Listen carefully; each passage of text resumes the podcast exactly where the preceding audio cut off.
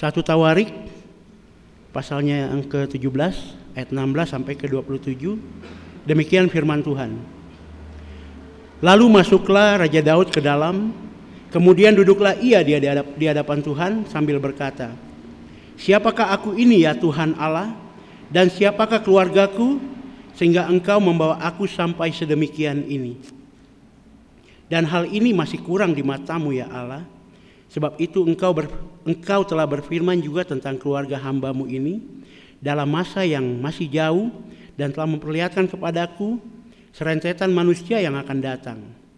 Ya Tuhan Allah, apakah lagi yang dapat ditambahkan Daud kepadamu dalam hal engkau memuliakan hambamu ini? Bukankah engkau yang mengenal hambamu ini? Ya Tuhan, engkau karena hambamu ini dan menurut hatimu Engkau telah melakukan segala perkara yang besar ini dengan memberitahukan segala perkara yang besar itu. Ya Tuhan, tidak ada yang sama seperti Engkau dan tidak ada Allah selain Engkau menurut segala yang kami tangkap dengan telinga kami. Dan bangsa manakah di bumi seperti umatmu Israel yang Allahnya pergi membebaskannya menjadi umatnya untuk mendapat nama bagimu dengan perbuatan-perbuatan yang besar dan dahsyat dan dengan menghalau bangsa-bangsa dari depan umatmu yang telah kau bebaskan dari Mesir. Engkau telah membuat umatmu Israel menjadi umatmu untuk selama-lamanya dan engkau ya Tuhan menjadi Allah mereka. Dan sekarang ya Tuhan, diteguhkanlah untuk selama-lamanya janji yang kau ucapkan mengenai hambamu ini dan mengenai keluarganya. Dan lakukanlah kepada yang kau janjikan itu. Maka namamu akan menjadi teguh dan besar untuk selama-lamanya. Sehingga orang berkata, Tuhan semesta alam, Allah Israel adalah Allah bagi orang Israel. Maka keluarga hambamu Daud akan tetap kokoh di hadapanmu. Sebab engkau ya Allahku telah menyatakan kepada hambamu ini bahwa engkau akan membangun keturunan baginya. Itulah sebabnya hambamu ini telah memberanikan diri untuk memanjatkan doa di hadapanmu. Oleh sebab itu ya Tuhan, Engkaulah Allah dan telah menjanjikan perkara yang baik ini kepada hambamu. Kiranya engkau hambamu ini, kiranya engkau sekarang berkenan memberkati keluarga hambamu ini, supaya tetap di hadapanmu untuk selama-lamanya. Sebab apa yang engkau berkati ya Tuhan, diberkati untuk selama-lamanya.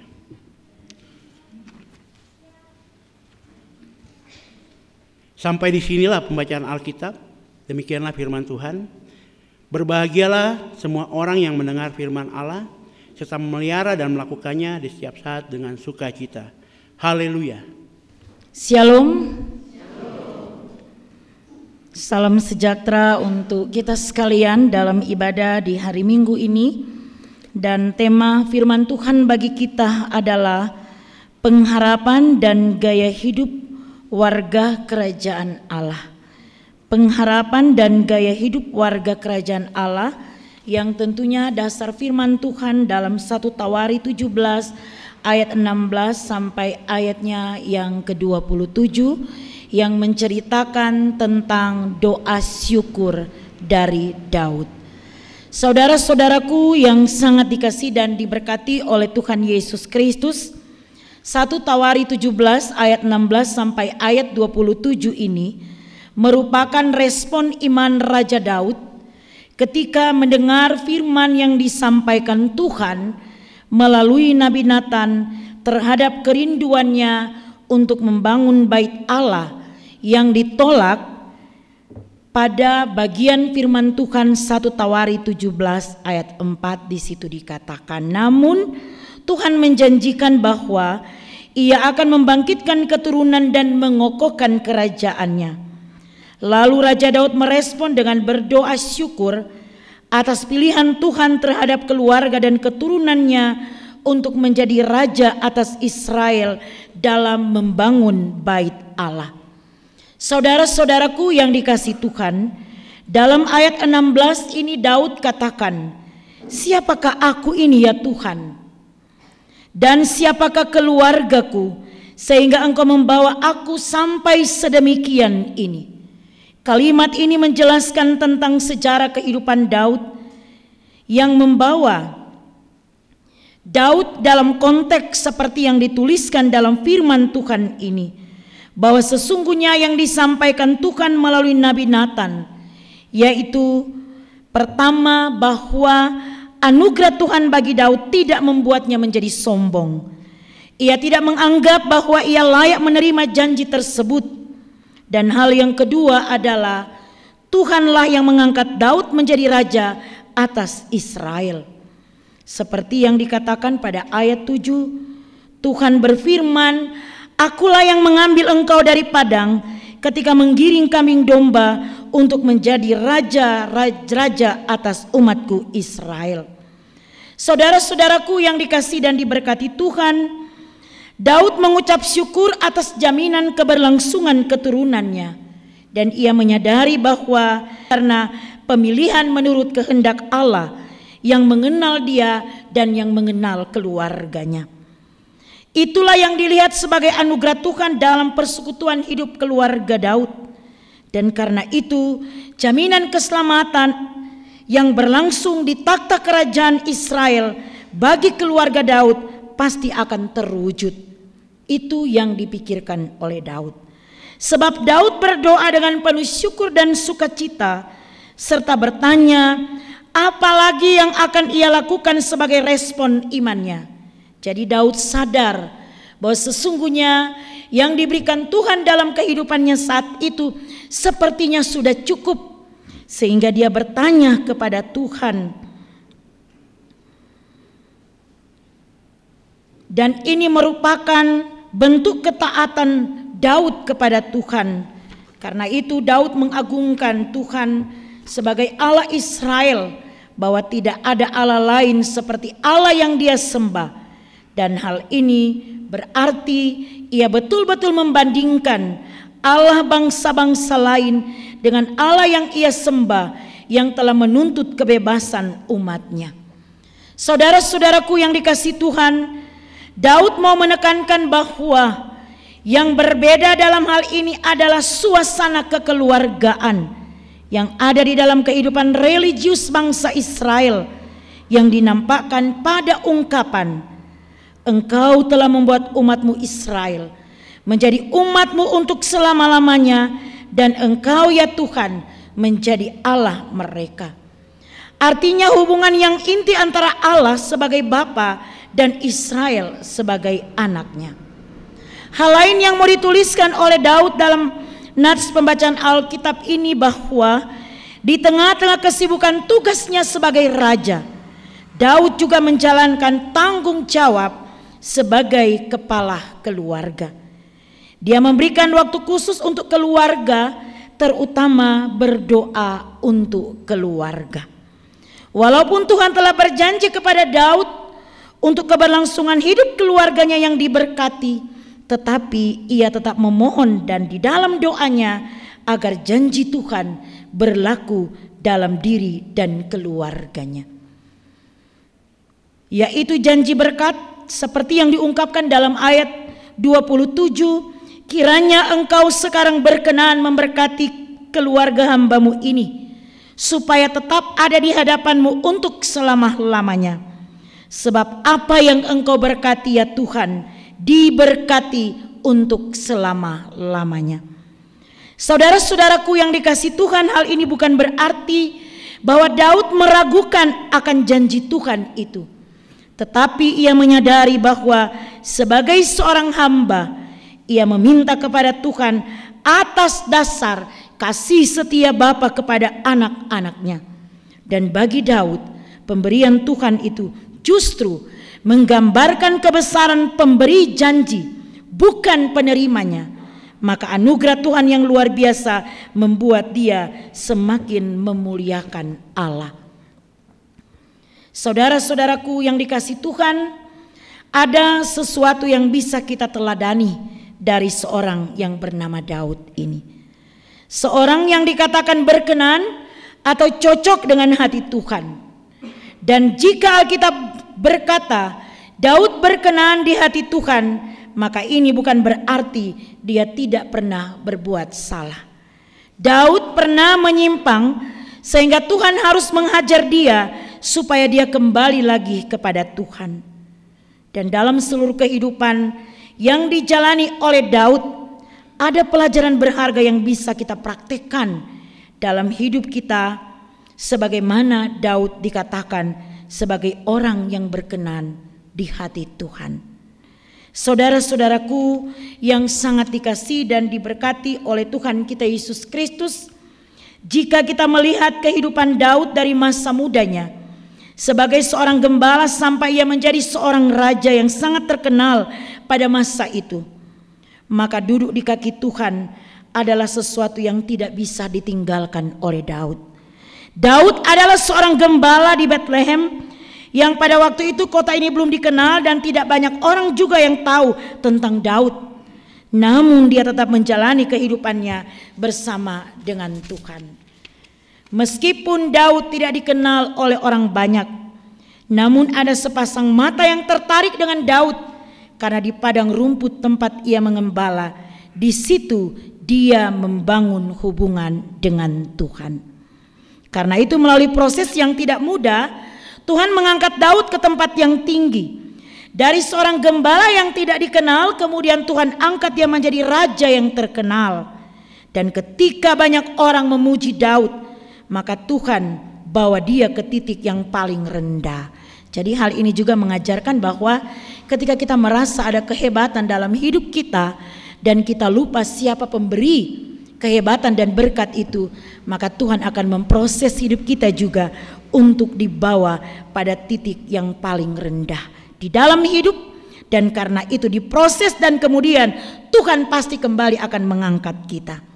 Saudara-saudaraku yang dikasih Tuhan kenapa demikian yang dialami oleh Daud walaupun liku-liku kehidupan yang ia jalani ada panas, ada hujan, ada senang dan ada duka tetapi hati Daud tetap tertuju kepada Tuhan.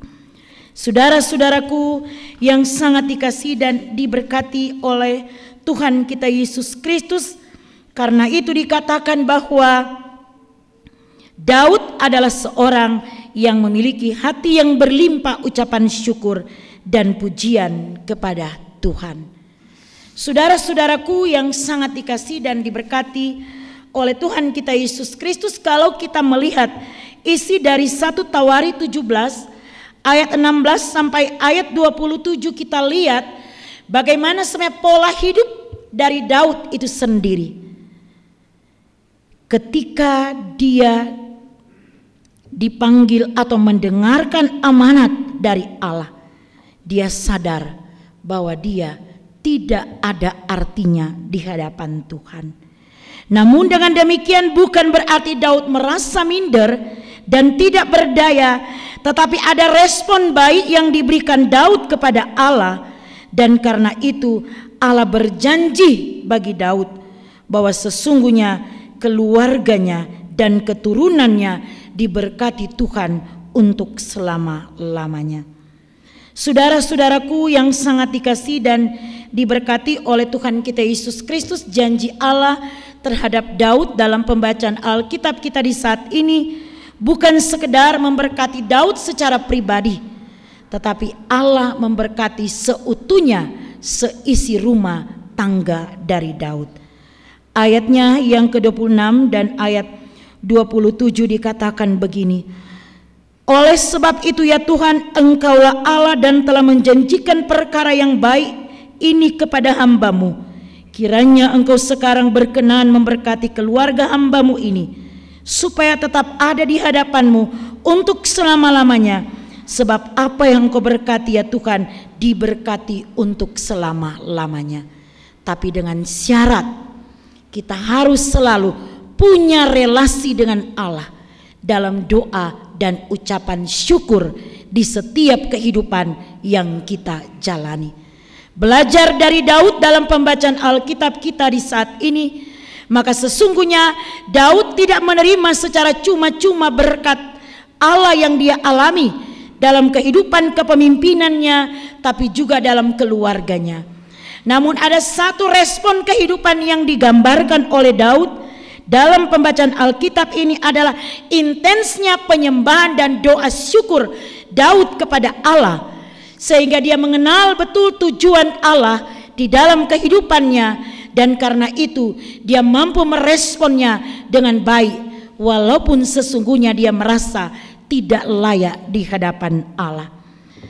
Saudara-saudaraku yang sangat dikasih Tuhan karena itu pada ayatnya yang ke-19 firman Tuhan berkata, Ya Tuhan oleh karena hambamu ini dan menurut hatimu engkau telah melakukan segala perkara yang besar ini dengan memberitakan segala perkara yang besar itu. Ya Tuhan tidak ada yang sama seperti engkau dan tidak ada Allah selain engkau menurut segala yang kami tangkap dengan telinga kami. Jadi di sisi lain juga firman Tuhan ini berbicara tentang bangsa Israel. Tetapi saya coba membawa saudara untuk lebih melihat pribadi dari Daud itu sendiri. Apalagi dalam ibadah kita saat ini sebentar akan dilantik badan pelayan unsur yang akan bekerja bersama dengan barisan majelis jemaat periode 2022-2027. Mungkin saat ini saudara-saudara bisa bertanya, siapakah aku ini Tuhan? Dan karena itu bukan berarti bertanya sedemikian dan karena itu tidak melakukan pekerjaan Allah. Daud sudah melakukan yang terbaik dan karena itu dia diberkati untuk selama-lamanya. Dan saya percaya saudara-saudara yang akan dilantik dalam badan pelayan unsur di tengah-tengah jemaat GKI Kalvari Tembagapura sudah menyerahkan diri dalam doa dan ucapan syukur kepada Tuhan. Allah telah memberikan perkara yang kecil untuk saudara-saudara. Jika dilakukan dengan baik, maka perkara yang besar sedang menanti untuk saudara-saudara sekalian. Kiranya firman Tuhan yang singkat di saat ini akan memampukan kita sekalian untuk terus hidup dalam hadirat Allah, berdoa dan bersyukur menjadi nafas kehidupan kita. Sehingga apa pun yang menjadi pergumulan dan tekanan hidup kita, kita tetap semangat untuk melayani dan memuliakan Tuhan. Entah kita penatua siamas, pendeta, pelayan unsur, tetapi juga kita sebagai anggota jemaat. Tuhan memberkati firman-Nya dan memampukan kita untuk melakukannya dalam kehidupan setiap hari. Amin. Mari jemaat Tuhan kita berdoa. Bapa kami di dalam surga, Bapa di dalam nama Tuhan Yesus Kristus. Ibadah hari Minggu ini telah berlangsung dalam pimpinanmu membawa kami jemaat GKI Kalvari Tembagapura bersyukur dan bersyukur kepadamu ya Tuhan yang di dalamnya kami benar memuliakan dan mengagungkan Engkau Tuhan sebagai Allah kami yang selalu memberkati, melindungi dan menuntun kehidupan kami. Terpujilah Engkau ya Tuhan Allah di saat yang penuh dengan sukacita iman ini Engkau sudah melayakkan kami ada dan mendengarkan firman-Mu. Kiranya firman yang singkat dalam ibadah ini disempurnakan oleh roh kudus-Mu bagi kami untuk tahu berdoa dan bersyukur, merespon segala panggilan dan tugas yang Tuhan anugerahkan bagi kami dan melakukannya sesuai dengan kendali-Mu Tuhan. Terima kasih untuk firman-Mu di saat ini hamba membawa semua jemaat yang beribadah dalam persekutuan yang memuliakan Engkau ini. Engkau kenal setiap jemaatmu ini Tuhan, dan hamba mohon diberkatilah semua jemaat yang beribadah, baik yang ada dalam gedung gereja ini, tetapi juga yang mungkin mengikuti ibadah secara online di barak dan di rumah mereka masing-masing. Tuhan yang maha baik, Berikanlah kebaikanmu bagi jemaatmu ini. Berikanlah mereka kesehatan, kekuatan, hikmat, dan kemampuan. Dan lindungilah jemaatmu ini Tuhan. Supaya hidup mereka tetap di dalam jangkauan keselamatanmu. Segala pergumulan, segala harapan, sukacita, dan kegembiraan jemaatmu ini Tuhan. Hamba bawa ke dalam tanganmu. Hamba percaya di dalam nama Yesus. Engkau mengasihi dan mencintai jemaatmu ini maka benar engkau sedang memberkati jemaatmu.